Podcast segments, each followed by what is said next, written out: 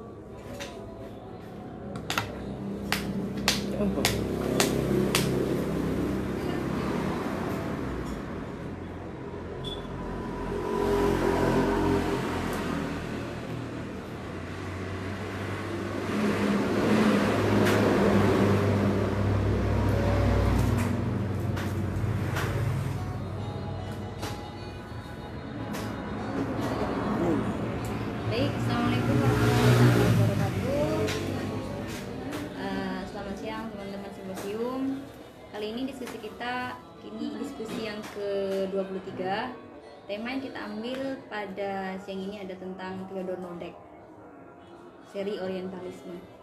Jadi di sini saya sebagai pemantik akan sedikit memberikan gambaran atau secara garis besar siapa sih Theodor Nodek dan bagaimana babakan pemikirannya. Bagaimana babakan pemikirannya dan bagaimana ia juga memberikan sumbangsi atau dalam kajiannya dalam studi Quran atau komentar-komentarnya dalam ilmu Islam. Yang pertama eh, sedikit saya singgung tentang orientalisme dulu. Orientalisme itu kalau kita ambil dari orient orient oriennya itu maksudnya adalah timur. Jadi studi-studi tentang budaya ketimuran. Kalau dalam studi Islam yang dimaksud di sini adalah fokus kepada budaya-budaya Islam. Jadi kajiannya tentang kajian-kajian Al-Quran, hadis, tentang tentang kajian-kajian tentang keislaman. Kebalikannya, kalau misalnya orientalis itu mengkaji tentang budaya-budaya timur, maka kebalikannya adalah oksidentalis. Itu berkaitan dengan studi-studi tentang barat, studi tentang studi studi tentang barat. Jadi kita mengkaji tentang eh, budaya-budaya barat, itu oksidentalis. Tapi yang kita fokuskan di sini adalah tentang orientalis. Jadi budaya-budaya timur yang dikaji oleh orang-orang barat seperti itu. Terus juga kalau kita lihat dari sejarahnya ada beberapa periode kajian-kajian orientalis. Saya mengambil salah satu periode yaitu di sini itu membagi membagi periodenya menjadi tiga periodisasinya menjadi tiga. Yakni pada sekitar tahun sekitar abad 11 sampai abad 13 itu sebelum perang salib. Ada periode sebelum perang salib ada periode setelah perang salib hingga masa pencerahan baru periode ketiga adalah periode pencerahan sampai sekarang gitu. jadi kalau yang abad 11 sampai abad 13 itu sebelum perang salib abad 17 sampai abad 18 itu kajian-kajian tentang pasca perang salib dan periode yang terakhir itu dari pas dari 1920 sampai sekarang itu kajian-kajian kajian-kajian pada masa pencerahan gitu. terus langsung ke Theodor Noldek Theodor Noldek itu termasuk orang yang masuk dalam periode yang ketiga. Itu pada abad ke-19 dia masuk pada abad ke-19 Theodor Noldek itu adalah seorang realis berdarah Jerman. Dia lahir pada tanggal 2 Maret 1837 masuk ke abad 19 yaitu di Hamburg Jerman. Ia seorang seorang pendeta Jerman seorang pendeta Kristen dia mengkaji tentang atau dia menekuni bidang-bidang yang berkaitan dengan bahasa-bahasa Semit jadi bahasa-bahasa Arab, Suryani, Ibrani dan juga selanjut selanjutnya saat dia menjadi mahasiswa atau setelah pasca di pasca dia atau selama masa kuliah ia juga menekuni bidang bidang-bidang linguistik lah atau bidang-bidang bahasa. Misalnya berkaitan dengan bahasa Sanskerta, Aramai dan berbagai bahasa-bahasa lainnya. Jadi dia menekuni bidang itu. Karena kebetulan waktu itu ia dititipkan pak dititipkan oleh ayahnya kepada seorang yang ia menguasai bidang bidang bahasa Aramai. Jadi ia juga belajar ke situ, belajar ke orang itu dan juga ia juga sambil belajar otodidak mengenai bahasa-bahasa lain, misalnya bahasa Sanskerta bahasa-bahasa lain. Jadi itu menjadi uh, bidang bidang yang dia expert gitu. Terus juga ia menjadi salah satu eh salah satu karya terbesarnya saat dia mau sarjana sarjana satu adalah mengenai sejarah Al-Quran. Jadi dia mengkaji tentang Al-Quran karena ada beberapa motivasi yang menjadi latar belakang ia mau mengkaji Al-Quran. Yang pertama, pada waktu itu pada masa dia S1 ada sebuah lomba. Lomba itu diadakan oleh Akademi Inskripsi dan Sastra Prancis. Jadi dia pada waktu itu mengambil tema tentang sejarah Al-Quran. Dan yang kedua, dia ingin latar belakang motivasinya adalah ingin membuktikan bahwa Al-Quran itu bukan bukan kitab orisinil orang Islam. Kayak gitu. Jadi itu yang menjadi motivasi Theodor Noldek itu mengkaji tentang Al-Quran. Gitu. terus juga uh, beberapa metode yang ia jadi uh, dia menggunakan dua pendekatan. Ada pendekatan historis kritis juga pendekatan linguistik filologis. Jadi kalau yang dia dia melihat dari aspek sejarahnya ia melihat bagaimana proses sejarah Al-Quran. Karena salah satu karya terbaiknya bahasanya saya bahas dalam sejarah Al-Quran ia juga mengomentari tentang kodifikasi Al-Quran. Jadi dia membagi ayat itu kalau misalnya kita tahu bahwa dalam kodifikasi Al-Quran itu kan kita tahu ada makiyah ada madaniyah. Tapi kalau Donald ini bahwa ia membagi Al-Quran itu menjadi empat bagian. Ada periode Mekah awal, periode Mekah tengah, periode Mekah akhir, dan periode Madinah. Jadi menurut dia kalau periode Mekah awal itu berkaitan dengan ayat yang ayat-ayat yang pendek tentang bahasa-bahasa ada iramanya.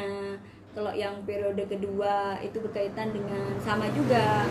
Cuman yang membedakan pada fase kedua itu ada sebentar catatan saya kalau fase kedua itu kalau lebih ke perumpamaan pada periode Mekah terakhir tentang peperangan tentang azab tentang kisah-kisah kalau yang Madinah kita juga tahu pada yang berkaitan dengan di waktu Rasulullah, waktu Rasulullah ada di Madinah kayak gitu. Jadi kita tahu juga ada sejarah ketika Rasulullah ke Ethiopia ketika hijrah ke Madinah itu menjadi babakan yang menjadi salah satu indikator waktu Theodor itu membagi menjadi empat bagian itu menjadi empat periode tadi. Jadi periode Mekah awal, periode Mekah tengah, akhir dan periode Madinah. Dan juga ada beberapa komentar dari Theodor Noldek berkaitan dengan Al-Quran. Dia juga salah satunya mengomentar tentang uh, huruf mukotoah. Jadi misalnya alif, lam, mim, so dan lain sebagainya. Jadi menurut uh, menurut Theodor Noldek sebenarnya huruf-huruf mukotoah itu itu adalah nama orang yang menulisnya. Gitu. Di sini salah satunya uh, salah satunya di sini yang menurut Theodor Noldek itu mengambil dari nama-namanya. Misalnya mim itu maksudnya al muwiro terus so itu hafsa terus juga kaf itu maksudnya Abu Bakar. Nun itu Utman to itu Tolha. Sin itu Sa'ad bin Abi Waqqas. Ha itu Hudayfa ain itu Umar. Ali bin Abbas Aisyah. Terus kof itu Al Qasim bin Robi'ah kayak gitu. Jadi menurut Theodor Noldek, nama-nama yang ada di depan atau yang berkaitan dengan huruf mukotoa itu adalah nama orang nama-nama orang yang menulis kayak gitu. Jadi salah satu sudah saya katakan tadi motivasinya adalah untuk membuktikan bahwa Al-Qur'an itu bukan kitab orisinil atau bukan kitab yang otentik dari agama Islam. Jadi uh, dia mengatakan bahwa ini karangan kata yang menurut dia itu mengambil dari kitab-kitab Yahudi dan Kristen Yahudi dan Nasrani jadi sudah menyinggung tentang kitab perjanjian lama jadi menurut Theodor Nolek itu membuktikan bahwa Al-Quran itu karangan-karangan Muhammad yang mengambil dari inspirasinya dari kitab kitab-kitab perjanjian lama dan perjanjian baru. Terus juga ada kata-kata misalnya furqon kata furqon kalau ya kalau dalam Islam itu diartikan sebagai wahyu tapi menurut Theodor Nolek sebenarnya artinya adalah penebusan. Itu juga disinggung juga di kitab-kitab sebelumnya kayak gitu. Terus juga misalnya kata milah milah itu dalam Islam diartikan diartikan agama tapi dalam menurut Nolek itu artinya terus juga itu garis besar tentang pemikiran-pemikiran Theodor Nolek dalam kajian-kajian Al-Quran. Eh, lalu beberapa apakah Theodor ini merupakan salah satu yang me- menjadi pelopor pelopor lahirnya studi sejarah kalau kita tahu dalam Al-Quran dalam studi studi Al-Quran itu masuk dalam bagian ulumul Quran tetapi yang langsung yang mengkaji tentang sejarah Al-Quran itu menjadi bagian menjadi bagian disiplin ilmu lain itu pelopornya adalah kajian-kajian dari Theodor Nolek ini juga inspirasinya adalah dari Abraham Giger. Abraham Giger yang juga tadi berkaitan dengan huruf-huruf mukotoa. Jadi tentang teori pengaruh, pengaruh-pengaruh pengaruh Yahudi dan Kristen yang ada dalam Al-Quran itu juga salah satunya diinspirasi atau di ya, diinspirasi diinspirasi dari Abraham Giger. Jadi orientalis sebelumnya juga menjadi motivasi motivasi untuk kajian-kajian kajian-kajian Theodor Nolek selanjutnya kayak gitu. Misalnya tadi kaitan dengan sejarah, asal usul, asal usul Al-Quran, asal usul Nabi Muhammad, asal usul ini tentang sejarah, tentang sejarah kodifikasi Al-Quran gitu. Itu mungkin secara garis besar, garis besar dari pemikiran dari Theodor Nolek dalam studi Al-Quran jadi dia termasuk orang orientalis yang awal periode periode awal. Jadi setelahnya itu banyak sekali. Dan salah satunya dia juga Theodor Nolek di- menginspirasi beberapa orientalis orientalis lainnya. Misalnya Richard Bell misal Sunak Groj itu juga menjadi salah satu muridnya. Jadi ini menjadi orientalis orientalis awal yang nanti menjadi istilahnya menjadi yang mensupport lah artinya menjadi inspirasi lah terhadap lahirnya orientalis orientalis lain dalam studi-studi Al-Quran. Kayak gitu. Itu mungkin karena saya sendiri sebagai pematik mari kita diskusi supaya forum lebih lebih hangat gitu. Berarti Theodor Theodor itu tidak melihat konsep wahyu yang diajari oleh ulumul Quran. Bagaimana dia melihat konsep wahyu? sebenarnya dia Nolek itu bukan tidak bukan sama sekali menolak gitu. Justru dalam bukunya ia juga mengutip beberapa karya-karya orang orang karya-karya orang Islam.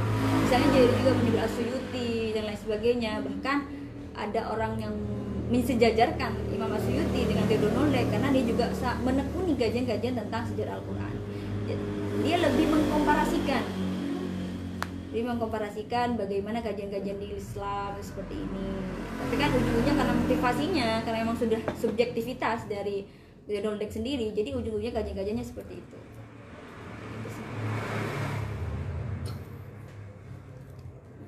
Itu tentang Theodor Tak tanya. terus juga apa lagi ya tentang Theodor Nolek? Tapi mengimani bahwa Al-Quran itu adalah firman Tuhan. Apa buatan? Tidak tidak mengimani justru dia mengatakan bahwa ini akal-akalan Muhammad gitu. Menurut Theodor Nolek alasannya kenapa kok bilang kayak gitu? itu tadi misalnya kan di salah satu bukunya ini kalau salah ralat aja ini bahasa bahasa bukan bahasa Inggris Yeshit Des Korans di bukunya yang itu itu dia mengatakan tentang sejarah sejarah ini keterpengaruhan teori pengaruhnya Geiger ia juga eh, termasuk di situ gitu juga meng- mengambil inspirasi dari teori pengaruhnya Geiger. Jadi ada kata-kata yang itu itu membuktikan bahwa pada waktu itu Nabi Muhammad itu mengambil justru gini Nabi Muhammad itu menurut Geiger kan ada kita kita tahu bahwa Nabi Muhammad itu umi umi kan tidak bisa membaca tidak bisa menulis. Tapi menurut Theodor Nolek maksudnya di situ adalah bukan dia tidak bisa membaca tidak bisa menulis tapi dia tidak tahu atau tidak mendalami kitab-kitab sebelumnya. Sehingga menurut uh, menurut Theodor Nolek beberapa kata-kata di dalam Al-Quran itu adalah karangan Muhammad. Justru dia siapa sempat bilang ini? Sampai orang Yahudi yang tolol sekalipun itu bisa membedakan nama Maryam dan Maria gitu. Maksudnya plesetan uh, Theodorodek menganggap bahwa Maryam itu plesetan gitu. Karena Nabi Muhammad tidak tahu kayak gitu terus beberapa kata-kata lain misalnya kayak furqon tadi itu juga salah satu pembuktian yang menurut Theodorodek bahwa Al-Quran itu mengambil dari kitab-kitab sebelumnya dari perjanjian lama perjanjian baru ada pengaruh dari gitu. Kalau memang Umi berarti kan bertentangan. Bagaimana Nabi Muhammad mengambil kitab-kitab sebelumnya kalau memang dia tidak bisa mengkaji kitab-kitab Eh, Nas- eh, sebelumnya seperti Yahudi, Nasrani. maksudnya di sini menurut Theodor Noldek itu dia Nabi Muhammad itu bukan tidak bisa baca tidak bisa nulis tapi dia tidak mendalami gitu. Makanya dia salah memahami tentang karya-karya perjanjian baru kita perjanjian baru perjanjian lama. Makanya ada pengaruh-pengaruh Yahudi dan Kristen yang ada di dalam Al-Quran. Itu maksudnya maksudnya Theodor Noldek yang saya pahami jadi karena kan dia dia membuktikan bahwa ini karangan Muhammad. Dan menurut Theodor Noldek Muhammad bukan tidak bisa membaca tidak bisa nulis dia bisa cuman dia tidak mendalami kitab-kitab perjanjian lama perjanjian baru makanya ada beberapa salah-salah yang ada dalam yang ada dalam Al-Quran yang merupakan salah satu ketidaktahuan Nabi Muhammad ketidaktahuan Muhammad itu sih yang saya pahami dari apa yang disampaikan Noldek dalam bukunya gitu. Kan makanya kan kalau memang Theodor itu ahli sejarah berarti dia tahu bahwasanya bagaimana proses kodifikasi Al-Qur'an.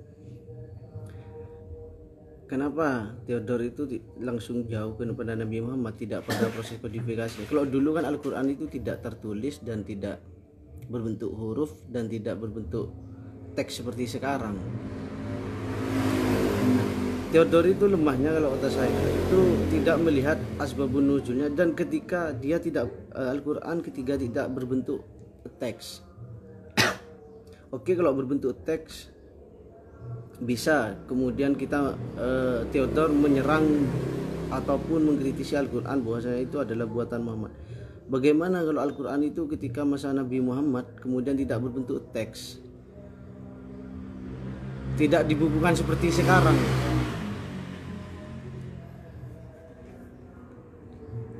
yang saya lihat sih Theodor Noldek itu karena kan dia sudah dia sudah ba- sudah bisa punya mendalami kajian tentang bahasa Arab. Jadi maksudnya itu bukan masalah gitu. Justru yang sebenarnya kan yang yang menjadi pertentangan itu kadang-kala ma- masalah kodifikasinya. Jadi mulai pada masa Abu Bakar dan juga pada masa Utsman dari pembukuan sama pembakuan. Jadi menurut Theodor Noldek itu bahasa Arab bahasa Arab itu kan saya belum ke orang-orang yang mengkritik. Jadi bahasa Arab bahasa Arab itu menurut Theodor Noldek itu kan ada peran sahabat di situ yang menulis jadi menurut eh, makanya ada hidup kotoa itu ada hukum dan menurut Theodor Noldek itu adalah mengindikasikan bahwa ini ditulis. Dan juga kalau di kalau dibilang Theodor Noldek itu mengabaikan mengabaikan nuzul salah satu yang kodifikasi sumbangsi Theodor Noldek itu kan ada empat tadi kan ada periode awal berkaitan dengan karakteristik ayatnya, ungkapannya, terus juga kalau yang kedua tentang bagaimana kayak per- perumpamaan prosa bentuk-bentuk prosa, terus yang Mekah terakhir itu berkaitan dengan kisah-kisah. Itu kan berarti Theodor Noldek juga melihat dari faktor itunya gitu. Terus juga masalah yang terakhir berkaitan dengan hukum-hukum dan kemasyarakatan. Berarti itu juga menjadi salah satu indikator waktu Theodor Noldek membuat membuat periode periode-periode dalam kodifikasi Al-Qur'an. Di situ ada beberapa salah satu kodifikasinya dari 114 ayat itu Theodor Noldek itu membagi menjadi empat tadi kan. Ada 48 surat Makkah awal periode awal terus 21 tengah 21 akhir dan sisanya di periode Madinah Kayak gitu. cuman beberapa kritiknya kritik dari orang-orang yang kritik lah terhadap Theodor Noldek salah satunya juga di situ karena dia mengabaikan karena kan gini kalau yang kalau kita kan umat Islam itu memahaminya kan tiap surat itu ada keterkaitannya kalau melihat dari situ maka nanti asbab nuzulnya atau keterkaitannya itu akan lebih lebih simpang siur gitu. Jadi ada simpang siur mengenai kalau misalnya itu itu mengikuti dari periode yang dibuat oleh Theodor Noldek gitu. Terus juga uh, beberapa kritik terhadap Theodor Noldek itu kita tahu bahwa saat kodifikasi saat pembakuan Al-Quran itu tidak semena-mena Zaid pada waktu itu ketika dia diminta untuk me- mengumpulkan Al-Quran pada masa Utsman mengumpulkan mengumpulkan hafalan-hafalan sahabat itu tidak semerta-merta langsung mengambil tapi harus ada dua saksi harus ada buktinya kayak gitu. Itu yang menurut orang-orang yang mengkritik Theodor Norlek itu tidak menjadi salah satu yang diabaikan oleh Theodor Norlek kan menariknya ini Theodor itu eh, meragukan otensitas Al-Quran atau ayat. Cuma yang terlihat yang tampak dari pemaparan pemantik Theodor itu kan berlandasan tentang dari secara tekstual ataupun bahasa atau leksi, leksikal tidak melihat dari sisi lain. Kalau memang Al-Quran didentikan dengan leksikal atau bahasa Arab maka kemungkinan besar budaya Arab itu kan tidak menggunakan bahasa Al-Quran dalam kesehariannya kalau memang kemudian Al-Quran adalah karangan Nabi Muhammad maka sudah runtuh konsepnya Theodor karena apa yang digunakan bahasa Quraisy ketika itu sehari-harinya tidak persis dengan bahasa Quran yang yang ada sekarang. Di mana melihatnya Theodor itu kalau ini memang buatan Nabi Muhammad se- sedemikian tebalnya. Apakah ada klasifikasi mungkin? Ada ayat yang mengambil punya Nasrani ataupun Yahudi? Seperti contoh ada beberapa ayat mungkin yang Theodor suguhkan. Eh, karena kan tadi metode yang digunakan itu kan historis kritis, filologis. Jadi yang dilihat itu dari segi bahasa, terus juga dari segi manuskripnya, juga dari dari sejarahnya. Itu juga bisa jadi kritik ke Theodor Nordek. Cuman yang saya kalau yang saya sampaikan tadi ada Quran surah Al-Anbiya ayat 105 itu kan menyinggung tentang kitab perjanjian lama. Juga ada beberapa ayat yang sebenarnya karyanya banyak, cuman yang saya telusuri hanya di salah satu karyanya saja.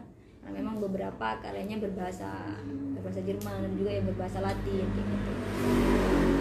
Yang di Quran surah Al-Anbiya itu itu saya cek di al di ayatnya itu menyinggung tentang bahwa sudah kutulis di, di kitab Zabur gitu. Jadi itu kayak menurut menurut Noldek itu mengindikasikan bahwa di situ sudah menjelaskan bahwa Al-Qur'an itu itu juga inspirasinya dari sana. Itu jiplakan dari sana gitu.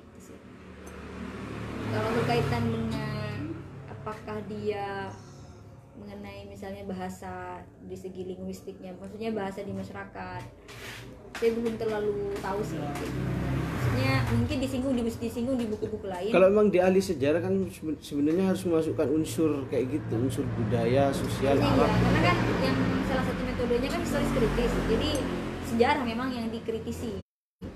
nah, kemudian menariknya Theodor ini adalah dia fokus pada eh, yang pemantik tadi paparkan fokus tapi ketika Al-Quran tidak menjadi teks tapi seakan-akan dia membawa kita mengkritisi sejarah bagaimana Al- Al-Quran itu awal muncul kan kayak gitu. Nah, makanya kalau cuma kalau memang mau dikritisi dengan landasan alasan bahasa maka jelas Theodor itu sudah sangat membuat apa kepincangan ilmiah. Karena bahasa yang digunakan Quraisy itu tidak persis bahasa dengan yang dipakai pada budaya Arab ketika itu. Bahkan banyak bahasa salah satu contoh saja itu awal eh, alasan kodifikasi Al-Quran itu kan dari bahasa juga. Karena dari Dialek- logat nah, gitu. dialektika seperti Kufa kan beda antara Persia dengan Arab sendiri itu beda. Dan Theodor kenapa meng- mengabaikan hal itu kalau memang seperti tadi inspirasinya bahwasanya alif lam mim itu itu Maryam kan? Kan landasan dasarnya apa? Kalau memang dia mau mengkaji tentang asbabun nuzulnya. Kan menarik. Beda kalau ketika berbicara sudah berbentuk kodifikasi sudah berbentuk buku maka mungkin bisa eh, konsep Theodor ini mengkritisi tentang sejarahnya bisa. Cuma kalau dari konsep wahyunya saya sendiri pun menolak terhadap konsep eh, ataupun ide gagasan yang diberikan oleh Theodor Noldek ini. Mungkin begini karena kan memang eh, saat studi Quran yang ditelusuri kan kalau di Al-Quran teksnya teori kan dia mengambil teori pengaruh atau mengikuti teori pengaruhnya Geiger jadi yang dia kaji adalah ayat-ayat dalam Al-Quran tekstual memang tekstual. Yang itu itu mengandung bahasa-bahasa yang juga ada dalam kitab perjanjian lama dan perjanjian baru. Jadi yang disinggung di Al-Quran itu maksudnya dia mencari-cari beberapa kata-kata atau beberapa kalimat yang itu ada juga di kitab-kitab perjanjian lama dan kitab perjanjian baru. Ini kayak gitu. Jadi tidak bukan masalah bahasa bahasa bahasa sehari-hari dan bahasa bahasa tekstual Al-Quran tapi lebih ke tekstualnya lebih memang ke aspek linguistik dalam Al-Qurannya gitu sih yang saya pahami yang saya pahami dari kajian-kajian Oldek kemudian dalam sejarah pun itu nggak pernah ada yang mencatat sejarawan yang me- yang menulis bahwasanya Nabi Muhammad pernah belajar kitab Nasrani dan kitab Yahudi.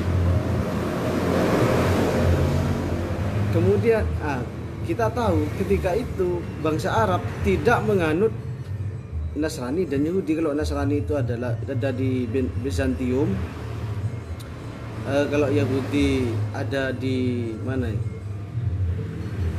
kan dalam sejarahnya kan kayak gitu sampai kalau punya ira lepidus itu ataupun punya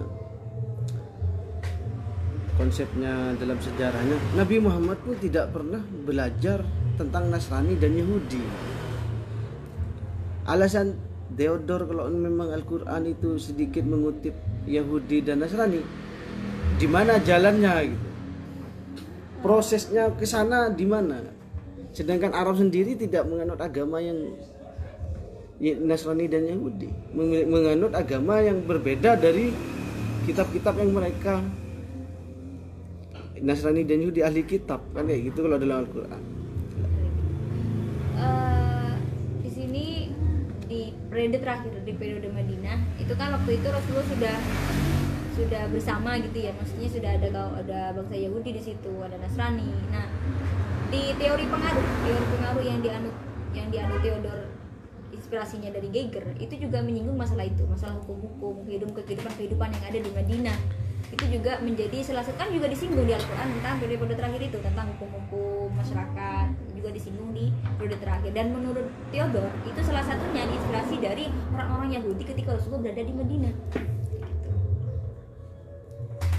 karena kan yang kalau menurut saya saya melihatnya yang menjadi sasarannya sasarannya Neoldek Theodor itu itu pasca pembukuan. Jadi pada masa Rasulullah sudah meninggal itu kan yang membakukan itu kan Rasul, membakukan kan sahabat.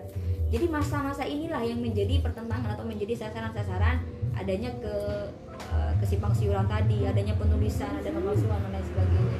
Pada buku pada oh berarti Theodor itu eh, meng- mengkritisinya kan set- setelah kodifikasi berarti. Ada tentang itu tentang itu. Kalau yang sebelum sebelumnya kalau di tekstual Al-Qur'annya itu bahasa-bahasa yang berkaitan dengan bahasa-bahasa sebelumnya bahasa-bahasa di kitab lama dan kitab perjanjian lama perjanjian baru misalnya tadi Furqan. Terus juga masalah hilah tadi terus Maryam yang menurut Tono Theodor tadi plesetan dari Maria kalau soal masalah pelesetan atau tidak itu kalau kata saya kan masalah linguistik kan kayak gitu menurut Theodor itu salah satu ke ketidaktahuan Muhammad gitu. Bah- maksudnya dia, maksudnya gini, dia belajar dari Yahudi, tapi dia salah mendengar gitu. Kalau istilah kasarnya menurut menurut Theodor itu itu salah satu ketololannya gitu. Dia salah salah melihat, salah mendengar bahwa ini mak Maria ini Maria gitu. Menurutnya, menurut Theodor yang saya saya saya baca minum dulu kopinya pemantik Ya. biar santai. Karena menarik nanti. Kita sebagai sarjana muslim kan perlu mempertanyakan eh, apa istilahnya maksud dan tujuannya Theodor mengkritisi itu apa? Karena dia juga di- bisa diminta pertanggungjawaban ilmiahnya. Kan kayak gitu kalau soal ada dia mengatakan mem itu Maryam pas kemudian Maria pelesetan dari eh Maryam pelesetan dari Maria itu kan nanti perlu kita kaji lagi misalnya Ya. karena punya Theodor ini dalam meragukan autentisitas Al-Qur'an dari dari sisi sejarah maka saya katakan bahwasanya jangan kemudian eh, memberikan kesimpulan tentang sejarah dulu. Mungkin ya sejarah versinya Theodor kan kayak gitu. Karena memang setelah Theodor pun banyak orientalis-orientalis lain. Dan Juga justru kan banyak orientalis-orientalis yang mengkritisi Theodor kan kayak gitu. Dari muslim pun banyak yang mengkritisi tidak boleh. Ayo, Mas jadi ketika dia kemudian uh, memberikan pernyataan-pernyataan kontroversialnya mengenai ya mengatakan bahwa Al-Quran adalah kata-kata Muhammad sebenarnya waktu itu respon orang-orang tokoh-tokoh di sana waktu itu kira-kira gimana? Untuk menyerang balik pemikiran ke apa saja kira-kira? Kalau ditanya pada saat itu saya kurang tahu. Maksudnya begini eh, kritik-kritik yang muncul itu kan belum tentu periode-periode yang sezaman dengan Theodor gitu.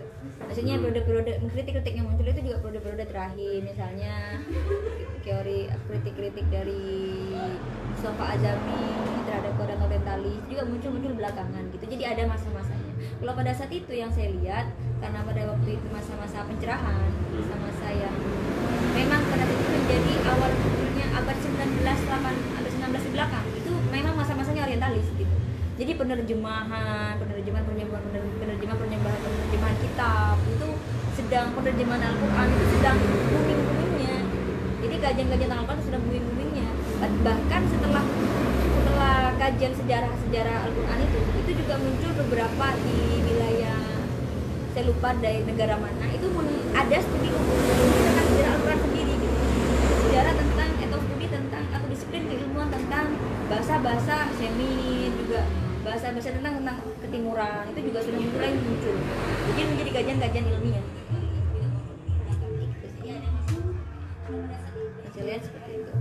Tapi kalau yang sezaman yang langsung maksudnya yang langsung maksudnya saling debat kayak gitu saya belum tahu.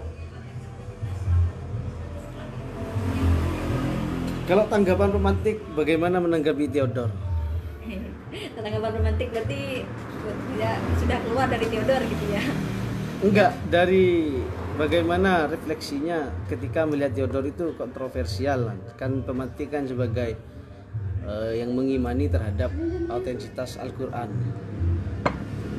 Eh, yang saya lihat memang yang di mungkin untuk refleksi itu nanti di terakhir aja kak. Oh, ya iya. nanti pas nanti saya bilang nanti pas jadi kesimpulan. Ya nanti diskusi bisa jalan oh, biar lebih karena memang salah satu beberapa kritik yang terhadap Theodor itu ada yang mengatakan itu terlalu subjektif sekali. Karena memang eh, karena memang mungkin karena motivasinya ya motivasinya untuk menjatuhkan Al-Quran untuk menjatuhkan Islam. Jadi kalau yang berkaitan tadi dengan short meme dan lain sebagainya ada yang mengatakan loh kalau misalnya seperti itu bagaimana dengan sahabat-sahabat yang juga turut turut andil dalam bakuan Al-Quran. Jadi nggak nutup dong maksudnya terlalu banyak sahabat sedangkan huruf-huruf mukotoah itu sedikit kayak gitu. Ada yang mengatakan ini salah satu contoh yang berperan penting dalam Al-Quran Zaid, Zaid bin, Zaid bin Sabit. Zaid bin Sabit. Terus di- gimana? Adakah huruf Zai nah Zai kan itu. Jadi itu yang menjadi salah satu kritik ke Theodor Maka kata saya tadi katakan kalau soal kayak gitu kan fokusnya pada teks. Dan kemudian perlu dimintai pertanggungjawaban ilmiah. Mengapa Theodor kemudian eh, langsung memiliki gagasan seperti itu? Kenapa kan kayak gitu? Kan harus diper- dimintai pertanggungjawabannya. Kalau memang dia di- mengatakan atau mengakui dirinya ahli sejarah, juga tadi sudah saya sedikit singgung eh, kalau itu yang menulis itu karangan-karangan karangan sahabat jadi kan itu kan Rasulullah pada waktu itu atau mas sahabat pada waktu itu tidak semerta-merta kan. Maksudnya langsung mengumpulkan ada bukti-buktinya juga itu sudah tertulis.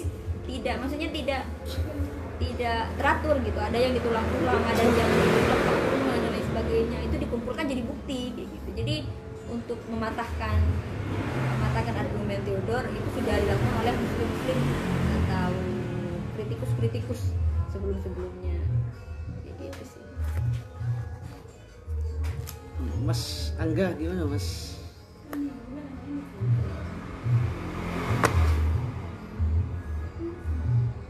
Eh, di periode Mekah Theodor eh, membagi periode itu ada empat kan Iya. pertama di periode Mekah berarti kan apa saja yang diberikan kritiknya ketik pada Al-Quran periode Mekah itu mungkin ada Eh, kalau yang periode Mekah awal itu kan berkaitan dengan ayat-ayat yang jadi setelah secara tekstual dia membagi dari ayat-ayat Al-Quran itu dia membagi menjadi empat dari tekstualnya. Hmm. misalnya ayat-ayat yang pendek berirama terus juga ada ungkapan perumpamaan itu menjadi periode awal. Hmm. itu itu yang itu nanti menjadi kodifikasinya. Jadi sedikit lagi saya lupa tadi. Jadi yang dikritik juga mengenai kodifikasinya. Jadi menurut menurut dia orang Islam itu terlalu nurut dengan hasil kodifikasi dari Al-Quran itu gitu dari urutan-urutannya terus juga periode yang kedua itu periode tengah itu berkaitan dengan ciri ayatnya lebih berbentuk prosa lebih panjang. Terus juga yang ketiga tadi periode yang ketiga atau periode Mekah akhir tentang kisah-kisah kenabian kisah-kisah zaman dahulu. Terus baru yang periode terakhir itu berkaitan dengan hukum-hukum dan kemasyarakatan karena karena kan kita tahu kalau kondisi atau pada masa pewahyuan juga ada kaitannya dengan ketika Rasulullah berada di Mekah dan juga saat Rasulullah ada di Madinah.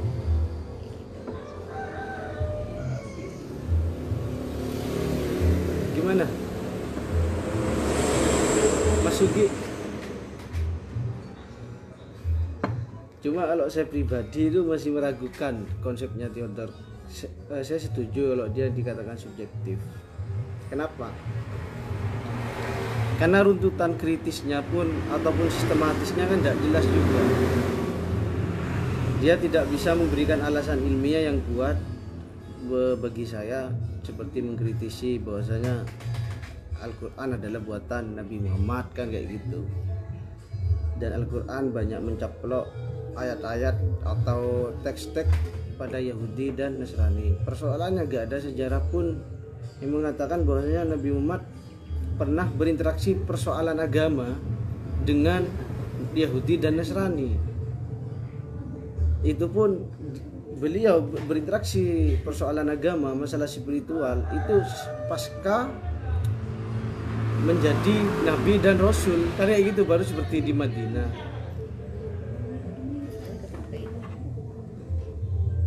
Di sini ada beberapa kutipan tapi juga sudah terjemahan ya. Eh, Noldek menyebutkan bahwa Al-Quran banyak kekeliruan dalam Al-Quran karena kejahilan Muhammad tentang sejarah awal agama Yahudi. Misalnya terjadi kecerobohan nama-nama dan perincian yang ia curi dari sumber-sumber Yahudi. Gitu. Misalnya sumber tadi- Yahudi itu apa yang dia? Karena kan menguasai bahasa-bahasa Ibrani, Suryani kayak gitu. Jadi dia melihat dari kitab perjanjian lama, perjanjian baru dan itu itu disinggung juga gitu. Dan menurutnya itu itu mengambil dari kitab-kitab itu, sumber-sumber Yahudi itu. enggak yang maksud Noldek itu yang mengambil dari Yahudi itu dari kitab kitab-kitabnya orang Yahudi itu ada apa contoh kalimat Misalnya di sini yang tadi Fir'aun, misalnya di sini orang Yahudi yang paling tolol sekalipun tidak akan pernah salah menyebut Haman untuk menteri Fir'aun atau menyebut Miriam sebagai saudara perempuan Musa dengan Maryam, ibunya Al-Masih. Berarti kan Nordek terlalu membenarkan teks yang ada di Yahudi. Kenapa dia tidak mengkritisi kalau itu yang antara kebenaran dan membandingkan kan? Contoh yang benar itu sebenarnya Maria atau Maryam kan kayak gitu. Kan ini persoalan bahasa.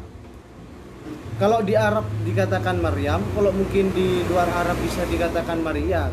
Kenapa kemudian ini dibenturkan dari itu merebut suatu kebenaran yang dia terlalu subjektif kemudian yang benar sebenarnya Maria kayak gitu lah. karena tolak ukurnya itu adalah Bible gitu maksudnya sama kayak kalau kayak kita dari orang Islam mengkaji mengkaji bisa mengkaji kitab apa kita punya tanya punya tolak ukur Hmm. nah tolak ukurnya iya adalah Bible gitu jadi sumber-sumber sumber-sumber sumber-sumber Kristen dia menjadi sumber atau pijakan untuk melihat Al-Quran gitu. Jadi ya pasti dia melihat bahwa ini yang benar gitu. Sama kita, melihat Al-Quran dalam mengkaji kitab-kitab lain kita membandingkannya dengan tolak ukur Al-Quran yang kita tahu kita itu autentik.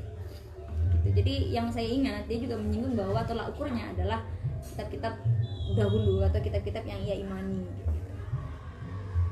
Mungkin yang menjadi salah satu faktor kenapa terlalu subjektif sekali pemikirannya Theodor Montek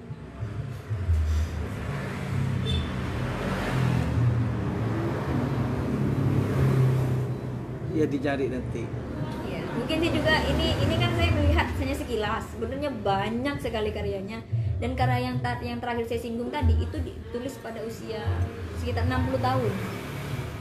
Bahkan karya-karya sebelumnya, karya-karya itu banyak sekali. Mungkin saya belum menelusuri terlalu dalam.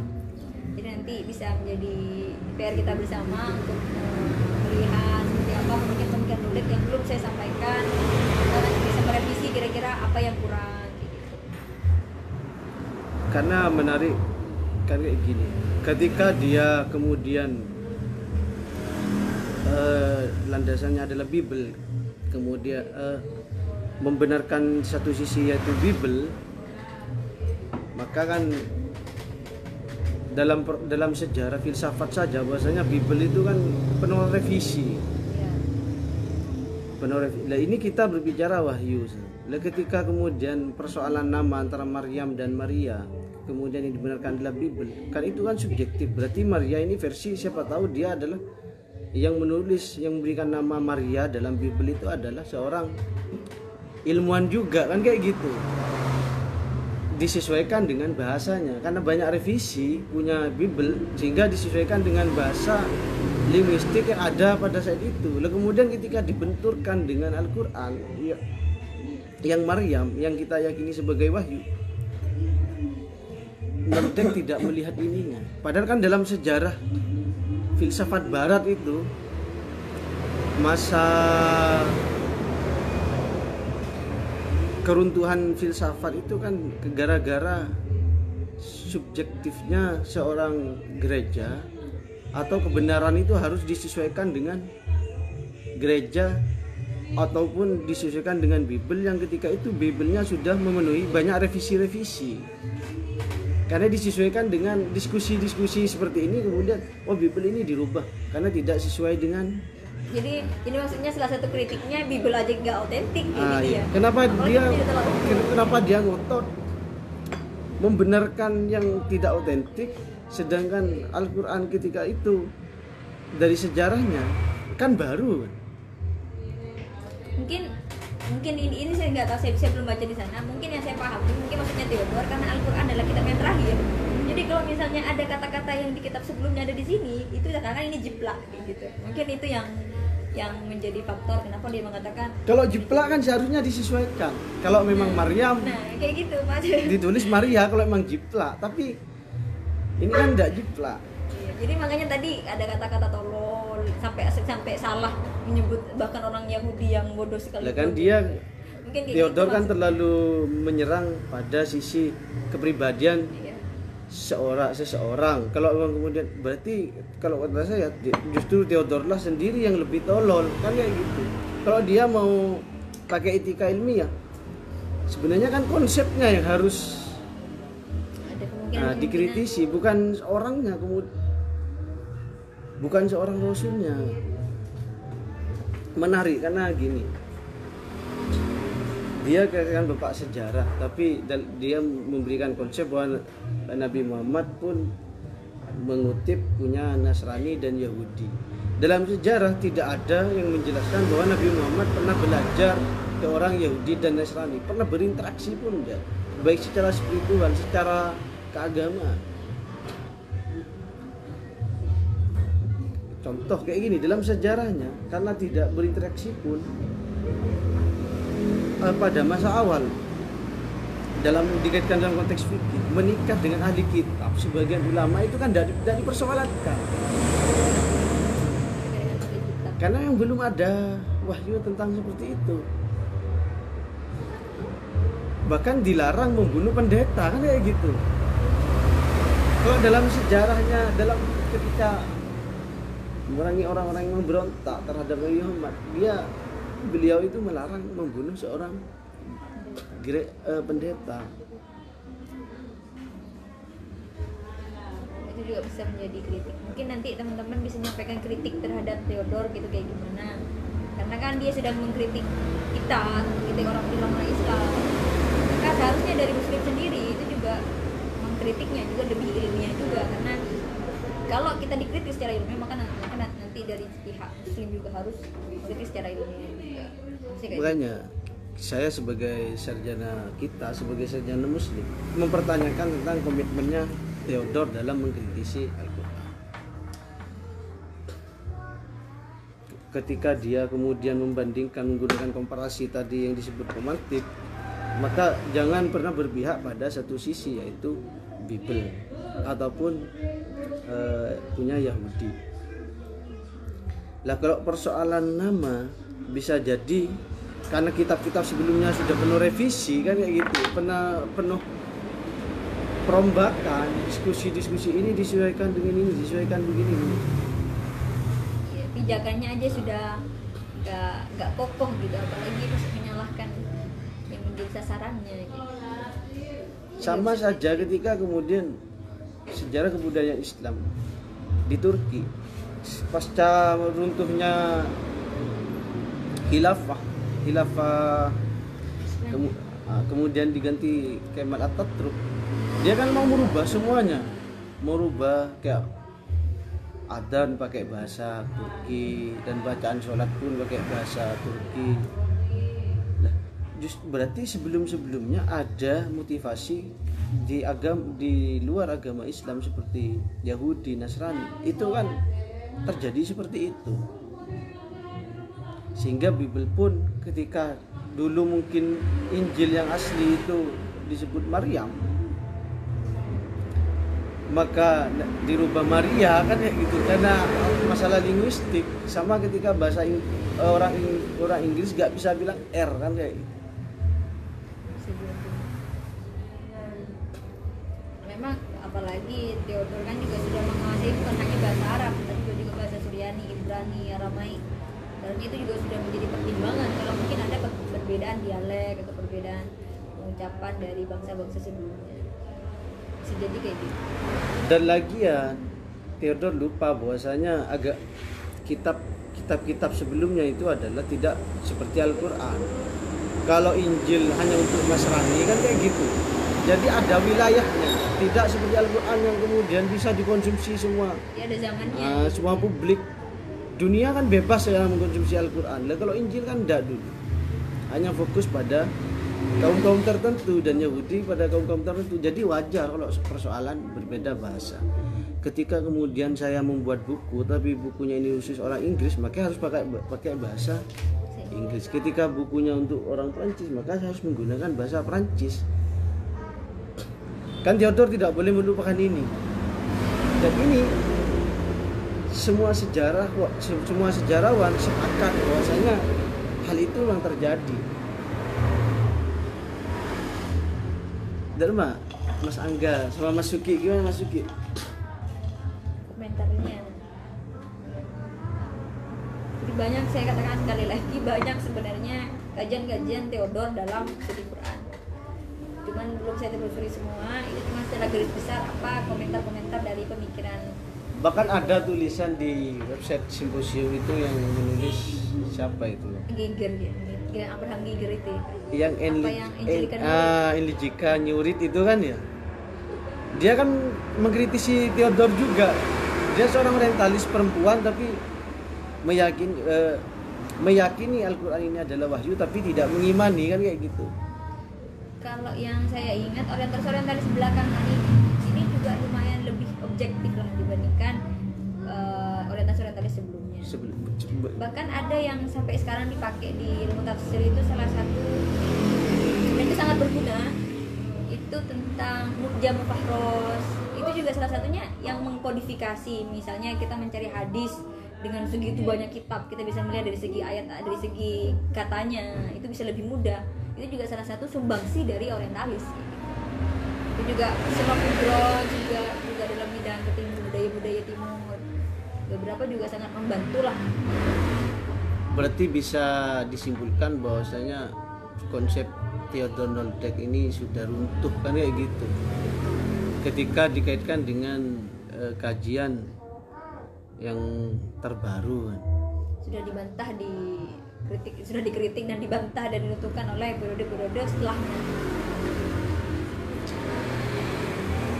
Gimana Mas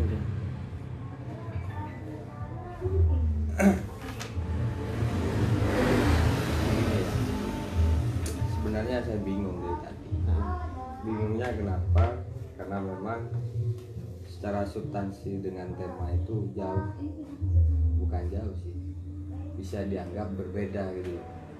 Kalau dalam tema di situ pegiat pegiat orientalis dalam Al-Quran back, back, backgroundnya itu siapa tadi tokohnya Nah, berarti kita mengkaji tentang pemikiran filsuf barat tersebut dikomparisikan dengan Al-Quran. Namun yang dijelaskan oleh pematut tadi itu benar, tapi paling tidak harus apa ya? Bukan menyarankan ya tidak. Yang perlu disebut di situ adalah apa kegiatan-kegiatan bukan pemikiran filsuf tersebut yang kontroversi dengan Al-Quran. Sehingga kemudian kita menemukan titik temu di mana letak kesalahan dari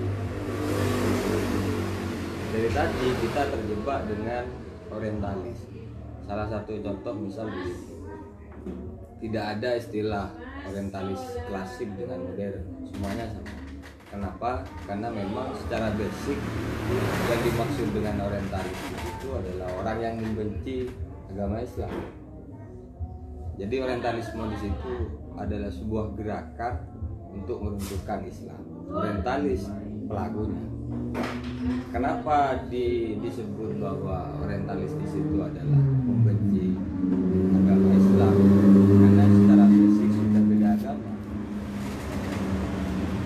kita agamanya Islam sedangkan orientalis itu adalah agamanya agama Yahudi secara wilayah itu berbeda sehingga kemudian ada istilah Timur Tengah yang diidentik dengan ketimuran.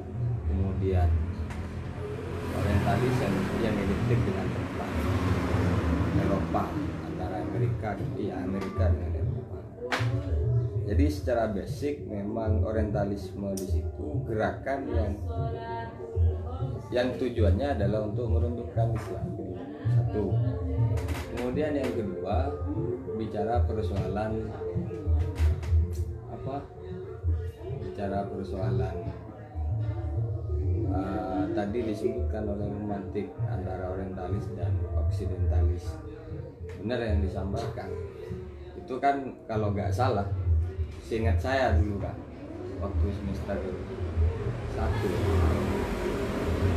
Terus dosen saya bilang begini salah satu salah satu penggiat oksidentalis itu kalau nggak salah Said Edward Said.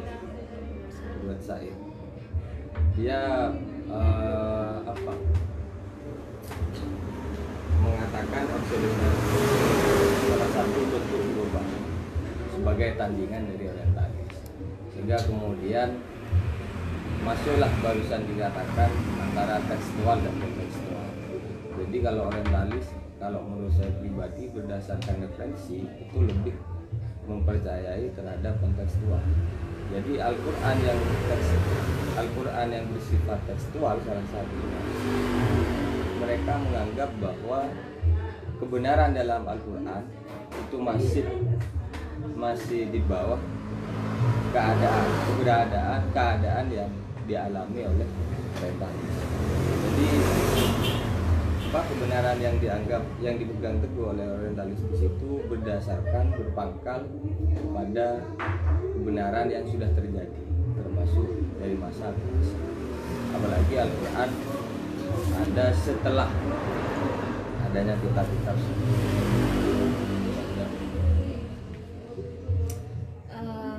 kalau kaitan dengan tema Theodor Nolde karena kita sekarang kita seri orientalisme mungkin kalau disebut terlalu umum saya sepakat. Karena memang di situ Theodor Nodek sebenarnya yang tadi pegiat orientalisme itu maksudnya di sini karena kan saya di tafsir. Jadi akan-akan di sini sebagai pegiatnya pegiat studi Quran. Yang kita bahas adalah orientalisme.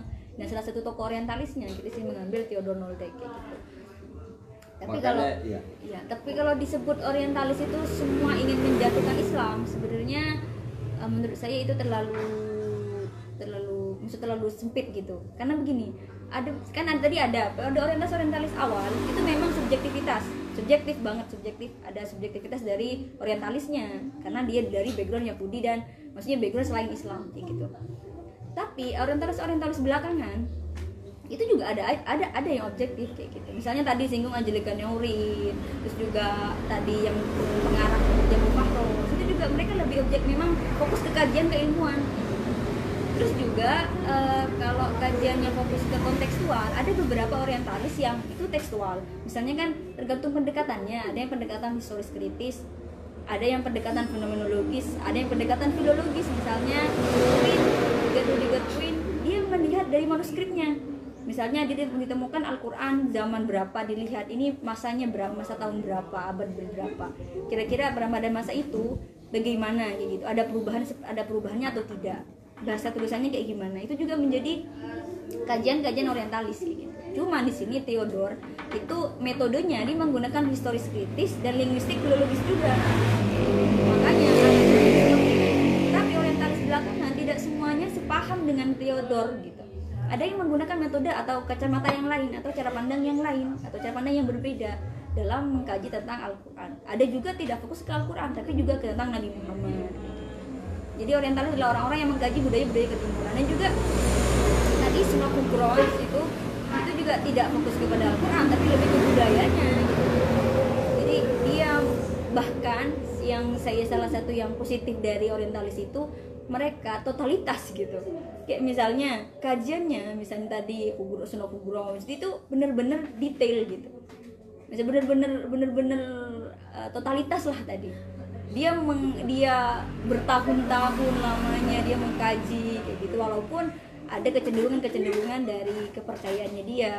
Tapi ada juga yang yang bahkan hampir berpuluh-puluh tahun hanya untuk meneliti tentang Islam gitu. jadi tidak semuanya untuk menentukan Islam tapi ada beberapa yang itu untuk benar-benar untuk kajian keilmuan gitu untuk menambah hasilnya keilmuan gitu yang saya lihat kayak gitu.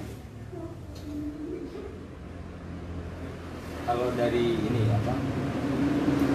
Salah satu uh, orientalis yang dijadikan sampel tulisannya yang dijadikan sampel oleh beberapa musik timur salah satunya kalau nggak salah di situ Samuel Samuel Hansen kalau nggak salah Tinten Syukur juga kurang tak salah dalam tesisnya di situ dikatakan bahwa keberadaan agama Islam di situ bertujuan untuk bukan sebagai ancaman dianggap sebagai ancaman terhadap. Kenapa demikian? Ya, karena memang mungkin ya secara peradaban juga apa peradaban timur dengan barat itu salah satu contohnya. Sehingga kemudian uh, sehingga kemudian siapa tuh yang yang mencetuskan apa apa barusan? Idin idin apa?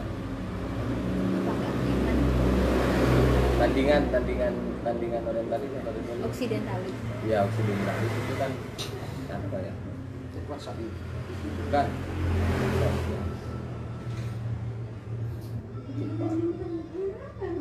kalau dalam sejarahnya kan begini. Secara sains memang barat itu benar-benar mengkaji keilmuan keilmuan yang berada di barat timur tapi tujuannya itu berbeda tujuannya di situ lebih kepada subjektif dan bagaimana. Jadi mereka menganggap bahwa semua aspek dalam kehidupan termasuk dunia pendidikan pengetahuan teknologi dan lain sebagainya itu hanyalah barat yang menguasai. Dia menganggap selain barat dia tidak bisa menguasai. ilmu ah tidak bisa menguasai ilmu salah satu itu dikatakan dalam tesis Samuel kemudian yang kedua bicara persoalan. Ada beberapa tokoh orientalis yang memang benar-benar serius mengkaji keislaman. Itu memang iya saya katakan iya. Karena memang tujuan mereka di situ adalah untuk merebut untuk menguasai keilmuan yang dimiliki oleh timur salah satu contohnya ya begitu. Sehingga kemudian eh, apa? Dasar kenapa orientalis benci terhadap agama Islam ya karena memang salah satunya menganggap teman-teman itu tidak percaya terhadap agama Kristus. Itu dasarnya. Sehingga kemudian agama Islam dianggap sebagai agama orientalis karena mungkin menurut saya kenapa mereka dendam kepada orang Islam itu nggak bisa dari sejarahnya. Sudah dari sejarahnya memang misalnya tragedi perang salib itu juga pada masa Islam mengalami apa namanya masa-masa keemasan. Berarti terjadi Sudah. pertengkaran intelektual ya sejarah iya, makanya coba kita cari filsuf yang benar yang seri- beberapa filsuf yang yang serius mengkaji ilmu ketimuran. Pertanyaannya, apakah dia percaya terhadap keberadaan Nabi Muhammad? Tidak. Karena Kalau kalau- memang tidak percaya, di mana letak apa originalitas keilmuan yang ia kaji gitu loh. karena kalau menurut Karena saya ada. sih eh, iya kak eh, pertama kan kita kan membuktikan bahwasanya agama kita adalah agama yang terbuka. Agama Islam. Jadi boleh siapa pun itu Mengkaji. mengkritisi ya silahkan. Ya, cuma yang namanya perang intelektual maka kita harus membalasnya dengan intelektualitas juga.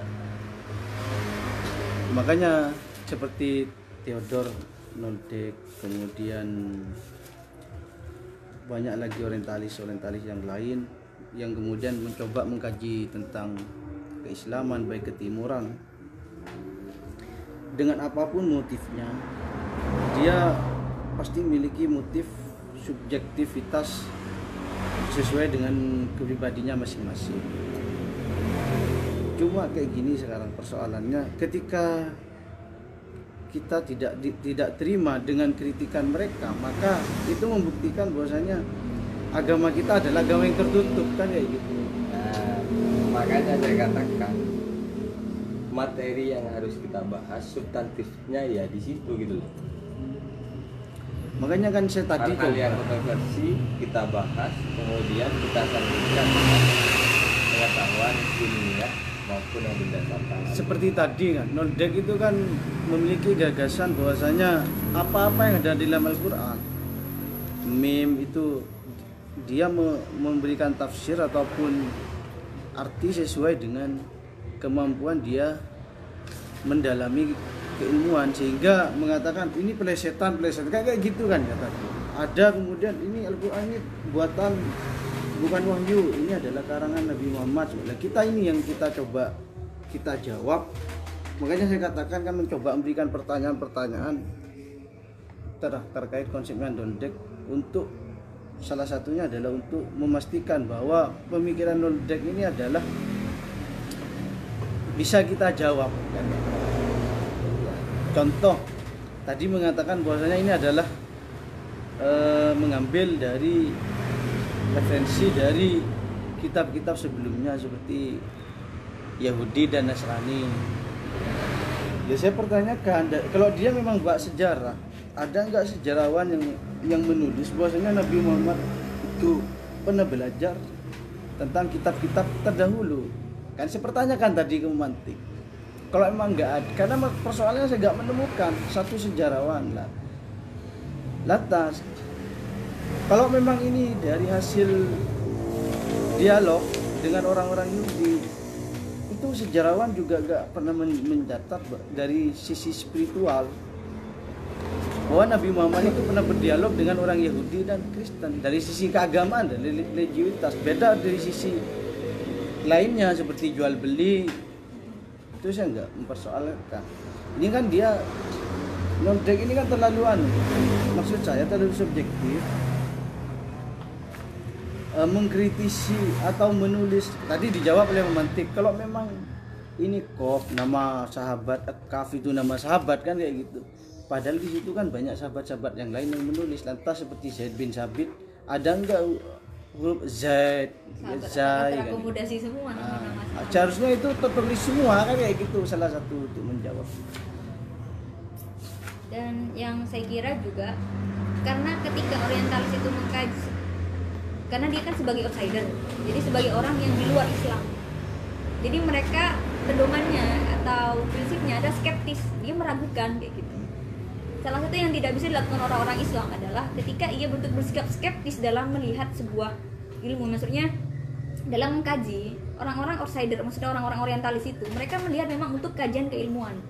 Jadi tidak bisa dikaitkan dengan kepercayaan keyakinan. Karena memang dari sebagai seorang yang istilahnya akademik lah mengkaji dari sudut pandang itu maka tidak bisa membawa-bawa keyakinan kayak gitu.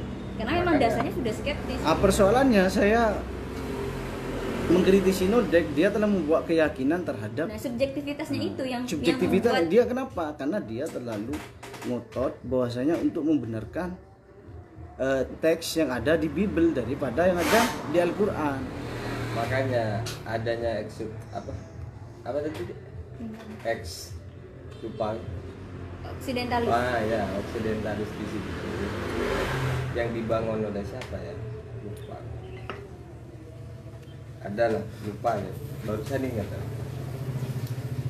cara kita mengkritisi orientalis yang disebutkan salah satu bentuknya adalah kritik terhadap tradisi Kenapa? Karena karena orientalis memegang tradisi tradisi barat. Kemudian yang kedua kritik terhadap barat. Apa bentuk-bentuk yang kemudian menjadi simbol barat. Dan yang terakhir realitas. Nah itu seharusnya dibahas. Sehingga kemudian termasuk saya pribadi yang memang mengakui. Saya hadir di sini belum belum baca sekali sekali apa jurnal atau hal-hal lain. Tapi saya ingat kemarin semester satu memang ada membahas tentang orientalisme dan bagian saya itu pernah mengkaji tentang dalam studi Quran itu tentang ori- orientalisme memang ada beberapa cuma yang saya temukan itu lima. Lima kritik yang diberikan oleh orientalis terhadap Al-Quran itu tidak pernah lepas dari lima. Salah satunya autentisitas ayat. Kemudian eh, dalam dalam kodifikasi ada subjektivitas bahkan dikaitkan dengan politik masa Utsman, Sayyidina Utsman, Sayyidina Ali lah. Itu tidak benar. Kita sebagai sarjana muslim untuk mencari jawaban ini. Kan kayak gitu. Oke, saya terima cuman Nodek punya konsep seperti itu, cuma konsepnya kan perlu diuji. Nah, cara mengujinya kita memberikan pertanyaan-pertanyaan bahwasanya untuk meruntuhkan gagasan Nodek apa yang dia yang telah menjadikan tesis dia biar tidak terlihat ngawur kan kayak gitu. Nodek kan terlihat ngawur. Makanya saya coba mengkritisi saya per- ya, dari pertanyaan-pertanyaan tadi bahwasanya Nodek ini pasca kodifikasi atau sejak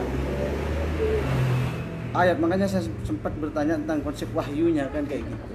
Nah kemudian nanti yang menarik lagi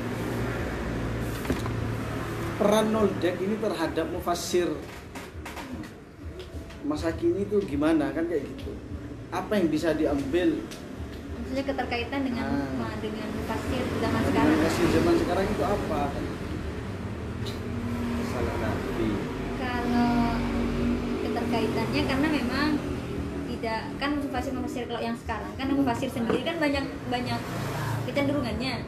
Kalau mufasir mufasir klasik itu cenderung mengulang-ulang saja gitu maksudnya kan kan kan periwayatan. Jadi eh, taklik taklik ke tafsir tafsir sebelumnya. Kalau masa-masa sekarang saya lihat seperti karya-karya tafsir karya-karya mufasir sekarang itu tidak terlalu banyak terpengaruh dengan orientasi orientalis itu. Karena kan memang eh, kecenderungan sekarang sudah berbeda. Dan sejarah saya rasa juga sejarah Al-Qur'an dalam dalam internal umat Islam sendiri itu tidak tidak ada kontroversial kayak gitu.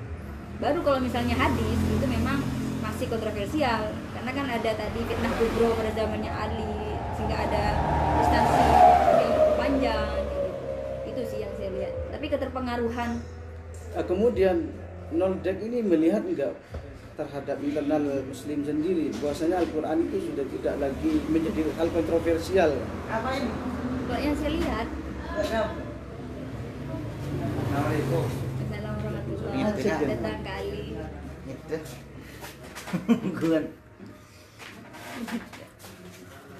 Mari kamu mbak. Ya, terus. Lanjut. Tadi tadi gimana sudah kak? Eh, Noldek melihat oh, enggak menurut Noldek. Ah, kan Al-Quran sudah tidak lagi dipertentangkan dalam internal muslim itu sendiri. Kalau pada masa-masanya Noldek sebenarnya pada saat itu sedang gencar-gencarnya penerjemahan. Hmm. penerjemahan Al-Quran. Jadi ada penerjemahan ke bahasa Latin ke bahasa Prancis bahasa Jerman itu yang sedang booming pada saat itu. Tapi ke kalau menurut kalau dari Theodor melihat mufasir-mufasirnya itu kalau pada masa itu sih karena ini kan abad ke-19 jadi belum terlalu gencar penafsiran-penafsiran cuma penerjemahan-penerjemahan cuman setelah itu di salah satu jurnal yang saya baca masa-masa itu mufasir klasik masih itu masih taklid atau masih klasik-klasik banget kayak gitu. Karena kan untuk modern atau sudah mau kontemporer itu masa-masa abad 20 abad 20 ke belakang lah sampai sekarang. Itu baru ada ada awal segar penafsiran kecenderungan lain kayak gitu. Tapi yang menjadi mencolok yang menjadi dasar Noldek bergagasan seperti tadi yang pemantik sebut seperti bahwasanya Al-Quran ini adalah karangan Nabi Muhammad bahwa meme itu ada plesetan plesetan dia menggunakan metodenya kan harus jelas metode apa yang dia pakai. Kalau memang historis kritis justru saya mau mengkritisi tentang historis kritis yang dia pakai. Konsepnya seperti apa kan kayak gitu. Historis kritisnya. Contoh kalau memang Al-Quran ini saya katakan tadi mungkin nanti pemantik atau eh, teman-teman yang lain nanti mencari kalau Nolde kan berpendapat bahwasanya Al-Quran eh, Nabi Muhammad ini bukan tidak bisa baca dan tidak bisa menulis kan. Justru dia telah memasukkan referensi dari Yahudi dan Nasrani ke dalam Al-Quran. Contoh kritik saya terhadap histori kritis yang dipakai oleh Nolde sebutkan sejarawan satu saja yang menulis bahwasanya Nabi Muhammad pernah belajar ke orang Yahudi dan Nasrani atau yang pernah berkontak langsung secara religius, secara keagamaan. Karena dilihat dari keadaan Arab itu nggak jelas agamanya apa Nasrani atau Yahudi kan kayak gitu. Kan? Ya. Bahkan kan ahli kitab kan? Nasrani dan Yahudi kan ahli kitab. Bukan ada bukan hanya di hitam. iya. Jadi kalau di yang saya sebenarnya kan kalau saya pertanyaan tadi apakah siapakah sejarawan dalam dalam metode historis kritisnya? Yang disinggung oleh Theodor saya belum baca. Maksudnya saya belum menemukan. Ah, karena ketika belum baca maka mungkin pernah disinggung. dasarnya Theodor itu apa dia bergagasan seperti itu. Oh, dasar pijakannya. Pijakannya mengatakan bahwasanya mim itu nama orang Maryam pas apalagi tadi Alif itu Abu Bakar ya Iya. kau itu Hafsah dasarnya apa? Selain kita men- meruntuhkan konsepnya Theodor kalau memang itu nama sahabat kenapa kayak eh, Zaid bin Sabit tidak ada di dalam Quran tidak ada huruf Z kan ada Yasin kan ya dan kayak Yasin itu menunjukkan dia siapa kan kayak gitu. Selain itu dan dia apa yang menjadikan kok bisa berpikir seperti itu? Itu tentang shot-shot yang itu nah, itu nama-nama itu. Hafsah itu disinggung di bukunya ini bahasanya bacaannya Gesed Quran jadi menurut menurut Dolek tadi itu karena kan yang dia dia telusuri kan di karya-karyanya itu mengenai tentang asal usul kodifikasi juga berkaitan dengan sejarah kita. jadi menurut dia huruf-huruf mukotoah tadi itu sebenarnya bukan otentik dari al mungkinnya bukan bagian dari Al-Quran. Dia seperti itu makanya nama-nama itu karena kan kita tidak tahu untuk memaknai nama-nama itu kita belum bisa. Dan bahkan itu menjadi kontroversial sekarang boleh ditafsirkan atau tidak gitu jadi dari Theodor Theodor sendiri melihat huruf-huruf itu itu sebagai sebagai nama-nama dari orang yang menulis kayak gitu dan bukan bagian dari Al-Quran menurut menurut Theodor kayak gitu Lah iya dasarnya kalau apa? saya belum Kok bisa dia mengatakan dia adalah orang-orang yang menulis? Kalau memang orang-orang menulis, justru yang menjadi penitia kodifikasi Al-Quran seharusnya ditaruh di awal kayak Zaid bin Sabit. kan. Ditulis duluan seharusnya za kan kayak gitu. Iya. Yang saya lihat di sini yang kalau pijakan pijakan pijakan pijakan pemikirannya yang saya pahami saya belum menelusuri semua karyanya yang saya pahami dia berdasarkan pada linguistiknya linguistik filologisnya. Kayak gitu sih. Cuman pijakan eksaknya atau misalnya pijakan pastinya saya belum tahu maksudnya apa yang menjadi landasan atau menjadi kategori-kategori atau indikator-indikatornya saya belum menemukan itu Oh, berarti saya berkesimpulan hanya metode pendekatannya aja Theodor ini lebih tolol dari apa yang dia temukan kan kayak gitu. Dia yang Secara- memikirnya hancur. secara ilmiah ya Lah iya kan lebih tolol karena Theodor sendiri dia mengungkapkan keilmiahannya tapi keilmiahannya ini tidak di- diperjelaskan metodenya. Ya iya Bisa jadi juga karena belum kita telusuri siapa- semua karyanya. banyak kan berdasarkan linguistik kalau berdasarkan linguistik itu tidak bisa dijadikan kekuatan siapa Neodor itu mengatakan bahwa yang apa tentang apa barusan mem huruf alif mukotoah itu ya bukan bukan apa di luar di luar kan begitu. Ya mau ngomong tolol kak. Jadi kembali kan. Kalau iya Dia kan bapak memang- sejarah kan. Memang gimana ya? Kalau dia bapak sejarah. Kalau memang dia bapak sejarah, kemudian seharusnya dia memberikan pijakan-pijakan tentang studinya dalam pencarian manuskrip-manuskrip kan kayak gitu. Jangan lantas kemudian karena huruf-huruf mukotoa tadi tidak ada di dalam manus- manuskrip kitab-kitab sebelumnya seperti Nasrani kemudian eh, Ibrani Yahudi itu pas Theo- kemudian Theodor berkesimpulan bahwa ini nama-nama penulis kan tidak bisa perlu diberi diminta pertanggungjawaban. Kan iya. Jadi pijakannya tadi historis kritis linguistik dan filologis. Alasan sehingga huruf-huruf tadi itu tidak dikatakan bagian Al-Quran hanya karena itu nama-nama penulis. di justru menurut Theodor itu maksudnya adalah nama-nama sahabat kayak gitu Sehingga gak, gak bisa di- dikatakan sebagai kategori Al-Quran. bukan bagian dari Al-Quran Lucu gitu loh. Saat, saat suatu yang menjadi kerangka terbentuknya secara linguistiknya, terbentuknya bahasa dalam Al-Quran dan itu dikatakan bukan bagian dari Al-Quran itu kan sangat sangat lucu bagi saya. Huruf-huruf muqatta'ah itu kan sebenarnya sebenarnya kerangka untuk membangun bahasa di dalam Al-Quran, kalimat. Tapi kenapa tidak dikatakan sebagai bagian dari Al-Quran gitu?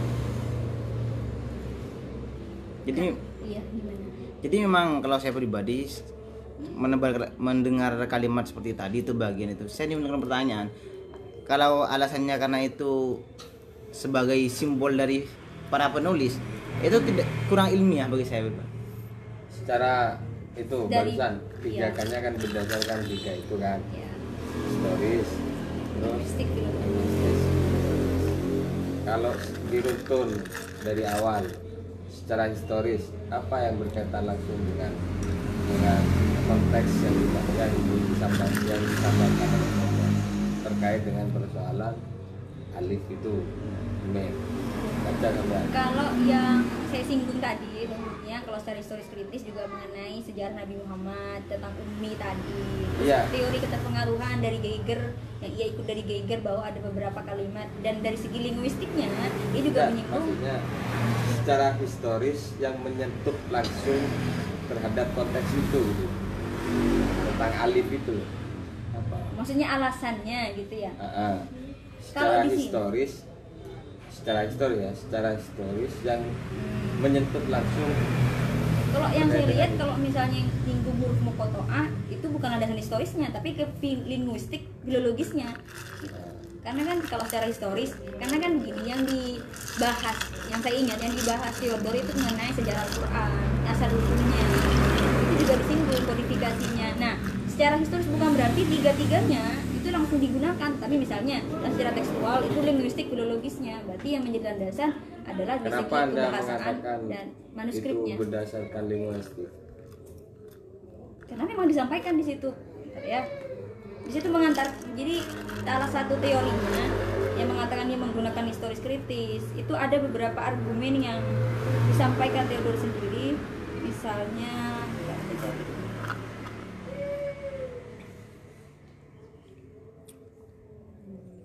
Dari segi kalau dari sejarah manuskrip filologis disampaikan dalam sejarahnya dalam biografinya Theodore itu dia melihat dari orientalis orientalis orientalis sebelumnya. Jadi manuskrip Iya. manuskripnya. Kalau dari historisnya dia menyebut itu dalam misalnya juga dalam contoh dia menggunakan landasan historis kritis pada masa periode tadi. Ya paham. Begini. Jadi apa alasan kenapa Theodor itu kontroversi dengan Al-Quran karena berdasarkan tiga hal. Itu historis. Kita cari kita cari contoh salah satu contoh kontroversi pemikiran Theodor itu. Misal alif Nah, di situ ada nggak alasan kenapa alif itu dikatakan begini begini oleh Theodor Alasannya apa? Berdasarkan historis apa dalam historisnya? Kalau yang saya pahami ya yang saya pahami dalam bukunya juga dalam beberapa jurnal kalau tentang alif lam mim muqatta'ah tadi itu landasannya linguistik gitu. kalau historisnya itu dalam sejarah sejarah sejarah Iya, kenapa linguistik Yahudi. gitu? karena memang kalau menurut tadi kan simbol dari dari Al-Quran sendiri itu tidak jelaskan maksudnya apa dan itu juga dipisah gitu. misalnya kan ada di awal Karena kan dalam internal muslim sendiri kan itu di- Masih masih, belum bisa kontroversi apa ini? masih belum diketahui itu Ah, apa apa boleh ditafsir apa? Oh, seperti non. ya seperti nun. Karena dia kan masuk kepada ayat apa mutasyabihat. Ya masih yang bingung apakah boleh ditafsirkan atau tidak. Karena kan begini kalau misalnya teks kalimat itu bisa bisa bisa, bisa dipahami. Tapi kan kalau simbol di awal dari internal muslim itu belum bisa belum bisa menjelaskan ini maksudnya apa gitu jadi menurut Theodor dari segi linguistik dari aspek linguistik filologisnya dia menilai bahwa ini merupakan simbol untuk menyebut nama-nama orang yang menulis dia menulis oh dia seperti itu. berpendapat seperti itu Iya misalnya Usman, itu. Nun Usman, gitu sih. Orang-orang yang menulis itu. kalau kalau ditinjau dari hermeneutika karena tidak semua teks harus ditafsirkan kayak gitu. Iya. sedangkan Theodor kan mencoba memberikan tafsir terhadap ayat muqatta'ah tadi. Nah, cuma kalau prinsip saya tetap menolak terhadap Theodor kenapa? Karena dia mengatakan bahwasanya ini dengan alasannya apa? Ditaruh oleh nama-nama penulis. Kan tadi sudah dijawab kenapa kalau memang nama-nama penulis tidak dimasukkan semua sahabat-sahabat yang Itu kritik ah, berperan. Itu kritik terhadap Theodor Nah, untuk memahami ini maka kita harus larikan pada dengan pemberi informasi dengan yang menerima informasi. Jadi ini adalah yang dapat memahami kan dua-duanya ini kan kayak gitu. Berarti antara kalau ditarik pada konsep wahyu antara Tuhan dan Nabi Muhammad yang tahu terhadap makna Maksudnya sebenarnya maksudnya kan kayak gitu Kayak gitu sih. lah kalau menyerang hal seperti itu maka saya rasa alasannya Theodor ini ya runtuh kan kayak gitu Ya, pasti. Terlalu dengan logika sederhananya kenapa sahabat-sahabat yang lain seperti bagaimana Ibnu Abbas ini kan kayak gitu Jadi belum terakomodasi semua kalau memang alasannya dari sahabat. Itu dikritik-kritik terhadap Theodor. mungkin bisa langsung refleksi ataupun kesimpulan gimana menurut pemantik Kopinya dulu minum. kopinya minum dulu kopinya, Kopinya minum dulu. Oh ini sini ya, sambil jadi ini mas. kenapa mohon izin sambil kerjaan ini. Iya. Santai santai gak apa-apa. Soalnya. Kalau yang saya lihat eh, Theodore ini kalau menggunakan pijakan-pijakannya ya boleh-boleh saja karena kan tadi sudah disebut bahwa Islam itu terbuka. Dan Al-Quran juga dikaji dikaji tidak hanya oleh orientalis gitu kan. Dari dari internal umat Islam dari insider sendiri kan juga sudah mengkaji itu. Tapi yang saya lihat memang subjektivitas itu yang sebenarnya menjadi menjadikan pemikiran dari Theodore itu rancu jadi seakan-akan memaksakan. Ada ada ada indikasi kayak memaksakan bahwa ini benar-benar bukan karangan ini benar-benar karangan Muhammad gitu. ini bukan kitab-kitab Al-Quran bukan kitab yang autentik kayak gitu. Tapi tidak bisa mempertanggungjawabkan terhadap konsepnya itu kan bisa jadi saya tidak bisa mengatakan iya atau tidak karena mungkin saya sudah katakan tadi belum semua karyanya saya telusuri jadi terlalu terburu-buru kalau saya bilang itu tidak me- tidak me- apa namanya tidak menjawab gitu. terus juga mengenai sejarahnya tadi dari sejarah bahwa yang menulis tentang Mukotoa terus umi masalah keumian Nabi terus juga masalah eh, kalau yang masalah periode menurut saya boleh-boleh saja karena memang landasannya dia melihat dari faktor ayatnya misalnya ayatnya. Tapi kalau masalah sejarahnya tadi saya kira itu juga ada beberapa hal yang diabaikan oleh oleh Theodor misalnya tadi proses pembakuannya bagaimana umat Islam sangat umat sangat ada apa namanya ya, ada faktor-faktor yang sangat ketat gitu. Dan sangat susah untuk sangat susah untuk memasukkan itu kayak gitu. Misalnya Zaid bin Thabit dia menggunakan saksi harus ada bukti autentik harus ada bukti nyatanya dalam bentuk lembar lembar lembar apa? Menggunakan daun Manuskrip. menggunakan tulang. Juga ada manuskrip manuskripnya itu juga sudah mengindikasikan bahwa eh, tidak mungkin ada pemalsuan. Gitu itu juga saya kira kalau memang Theodor itu menelusuri dari manuskrip manuskripnya saya kira dari manuskrip manuskrip lama itu juga mengindikasikan bahwa Al-Quran itu memang seperti itu gitu. Misalnya gini kalau hadis mungkin iya mungkin ada karena ada kan distansi waktu yang yang cukup panjang kayak gitu kan. Terus juga disinggung di ada beberapa orang yang menyinggung juga. Bible sendiri itu juga ada jarak yang cukup panjang. Makanya di situ diragukan. Diragukan itu benar-benar dari kitab Injil yang asli kayak gitu kan. Tapi kalau menurut saya di Al-Quran karena dari distansi waktu pembukuan pembakuan itu tidak terlalu lama. Jadi menurut saya itu terlalu terburu-buru. Kalau mengatakan itu karangan Muhammad gitu. Untuk meragukan otentik Al-Quran itu terlalu terlalu memaksakan subjektivitasnya sendiri. Dan tidak bisa juga menggunakan tolak ukur dari Bible. Karena kan e, menggunakan ya sudah disampaikan tadi oleh Kak Ang bahwa kalau menggunakan pijakan yang pijakannya sendiri belum otentik itu maka nanti hasilnya juga bisa diragukan. Gitu sih. Itu pandangan dari kalau memang Theodor ini bapak sejarah maka yang harus kita gali lagi kan dalam memahami kode sejarah Al-Quran itu ada istilahnya namanya kodek kodek ini adalah sesuatu ataupun apa pak istilahnya itu fosil-fosil yang terdapat ayat-ayat kan kayak gitu. Baik berupa tulang kemudian kayu batu dan sebagainya. Kelapa kurma. Lah Theodor ini sebe- sebe- apa? Semestinya kan betul-betul memahami hal ini. Sebelum kemudian dia walaupun mengambil pemikirannya siapa terpengaruh dengan Giger. Giger dan sebagainya. Sehingga tidak menghasilkan sebuah konsep yang subjektivitas. ada orientalis yang mengkaji filologis itu yang saya singgung tadi UIN itu juga mengkaji aspek manuskrip fokus ke manuskripnya. Jadi ada beberapa orientalis lain yang menggunakan sudut pandang yang berbeda. Ada seperti mungkin nanti jadi selanjutnya Oke, jadi kajian. Berarti kita sebagai sarjana muslim gimana? Menolak terhadap konsep noldek atau menerima? Kalau dari pemantik gimana? Kalau saya sih jujur ya menolak. Tentu karena itu sudah saya katakan tadi alasannya. Karena ya tadi sudah. Jadi saya, jadi saya tidak sepakat. Kalau- walaupun patut dikasih apresiasi karena dia sudah mengkajinya dengan sangat mendetail. Bertahun-tahun yang belum tentu dari insider muslim pun mengkaji selama itu kayak gitu. Punya masuki masuki. yang re- ini yang refleksi ya? Ya jadi eh, kalau menurut saya sendiri sebenarnya eh, tidak tidak terlalu memahami secara luas mengenai topik hari ini. Karena kan yang eh, jelas hanya bagian bagian dari pemikirannya dia dan jadi tadi ketika dia kemudian mem- membuat se- sebuah pernyataan-pernyataan yang kontroversial tentang uh, kita tentunya saya sendiri menolak namun ketika sebagai umat muslim yang menolak bukan kemudian menolak tidak secara apa namanya tidak Ilmiah. secara ilmiah juga kita harus bisa menolak dengan uh, Argumentasi-argumentasi ilmiah. argumentasi-argumentasi ilmiah juga dan uh, pendapat saya sendiri ketika melihat cara dia kemudian uh, berusaha untuk me- meragukan atau menyerang dalam tanda kutip menyerang menyerang agama Islam sangat subjektif gitu kan.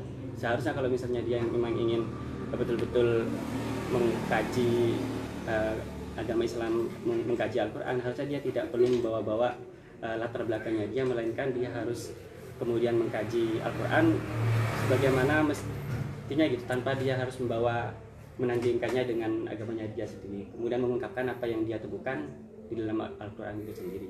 Menurut saya seperti itu. Sesuai dengan metode-metode Ya, secara sistematis. Jadi dia ketika ingin dia punya metode, kemudian kemudian dia mengkaji Al-Quran, ya sudah dia kemudian mengungkapkan apa yang dia temukan tanpa kemudian dia men- men- apa ya membuat pernyataan-pernyataan yang sangat subjektif, apalagi sampai menghina-menghina gitu kan. Kalau misalnya untuk keperluan kajian atau ke- keperluan apa ya ilmu menurut saya tidak perlu membawa-bawa hal yang bersifat subjektif apalagi menyerang hal itu gitu. Menurut saya seperti itu. Gimana Mas Ali saya ya kalau saya pribadi sebenarnya tidak setuju. Karena kenapa? Kodek kayaknya. Eh siapa nama? Kodek. Noldek. Noldek. Eh, Theodor Theodor. Noldek. dia kan sebenarnya ahli sejarah. Noldek.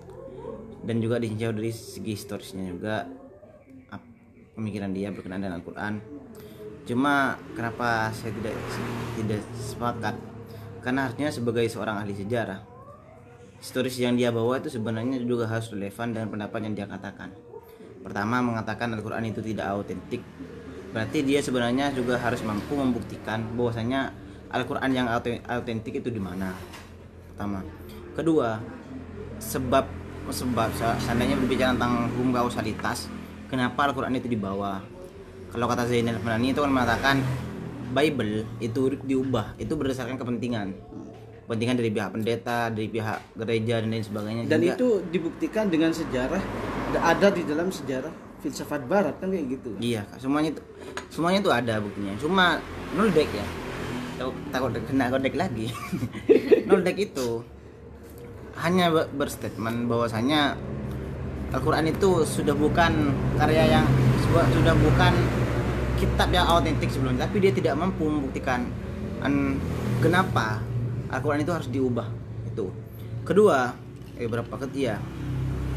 Saya rasa memang seperti tadi logika simpelnya mengatakan huruf huruf muqatta'ah itu bukan bagian dari Al-Qur'an.